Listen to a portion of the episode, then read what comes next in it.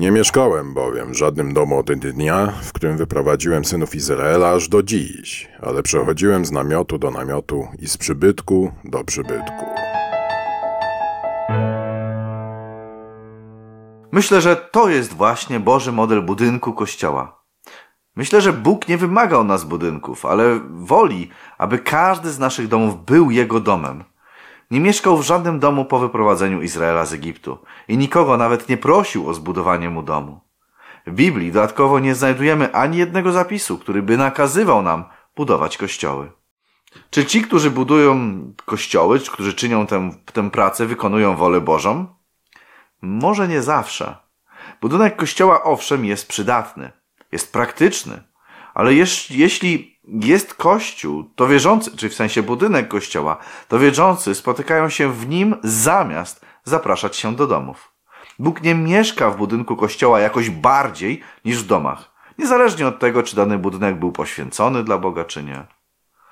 Skupianie się na budowaniu budynków sprzy sprzyja również poczuciu, że z Bogiem spotykamy się raz w tygodniu, gdy idziemy do kościoła, a nie cały czas, gdy żyjemy, oddychamy i śpimy. Nie rozumiem właśnie takiej fiksacji niektórych wierzących, że musi być zawsze budynek i jak nie ma budynku, to nie ma kościoła. Fajnie to było na początku chrześcijaństwa, kiedy to bardzo często kościołami były domy wyznawców. Zobaczmy parę fragmentów, które temu dowodzą. Gdy to sobie uświadomił, przyszedł do domu Marii, matki Jana, którego nazywano Markiem, gdzie wielu zebrało się na modlitwie. Pozdrówcie Pryscyllę i Akwilę, moich pomocników w Jezusie Chrystusie. Pozdrówcie także Kościół, który jest w ich domu. Pozdrówcie braci w Laodycei i Nimfasa oraz Kościół, który jest w jego domu. Do naszej umiłowanej Apfi, do Archipa, naszego współbojownika i do Kościoła, który jest w Twoim domu. Jak widzisz, praktyka kościołów domowych była czymś bardzo powszechnym. To jest przecież ten model, jaki Pan Bóg ustanowił na pustyni. Owszem, była jedna świątynia, gdzie dokonywano różnych obrzędów, ale czytamy, że Pan Bóg chodził od namiotu do namiotu. Obecnie również jest tak. Pan Bóg przechadza się od domu jednego wyznawcy do domu drugiego wyznawcy. Gdy pierwsi uczniowie mieli jeszcze dostęp do świątyni, to również tam przebywali, ale to nie, to nie spowodowało braku spotkań w domach. Zobacz. Każdego dnia trwali zgodnie w świątyni, a łamiąc chleb po domach, przyjmowali pokarm z radością i w prostocie serca. Obecnie jednak wygląda to zupełnie inaczej. Wszyscy spotykamy się jedynie raz w tygodniu w kościele i prawie nigdy nie zapraszamy się do domów, aby nabożeństwo odbyło się w takiej właśnie kameralnej, rodzinie, rodzinnej atmosferze.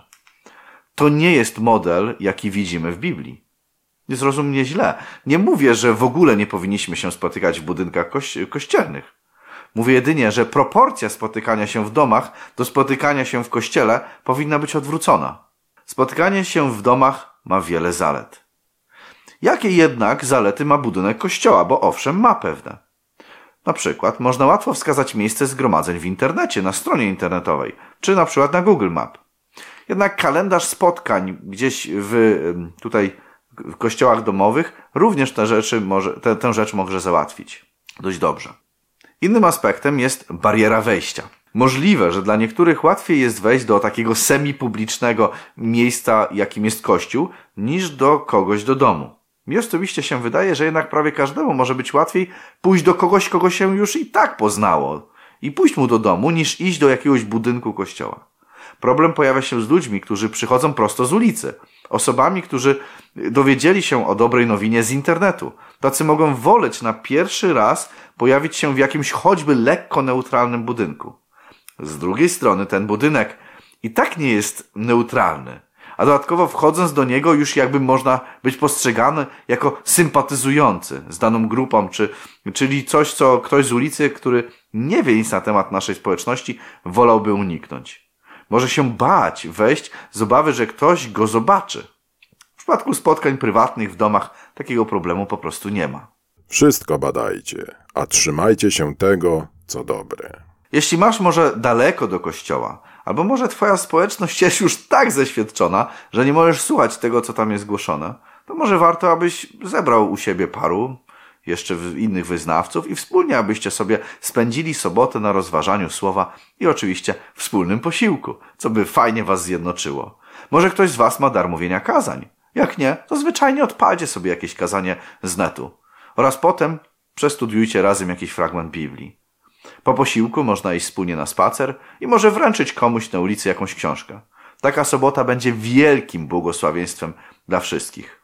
Tylko gdy tak będziecie eksperymentować, to pamiętajcie, aby nie odrywać się całkowicie od reszty społeczności wierzących, bo to będzie miało katastrofalne skutki.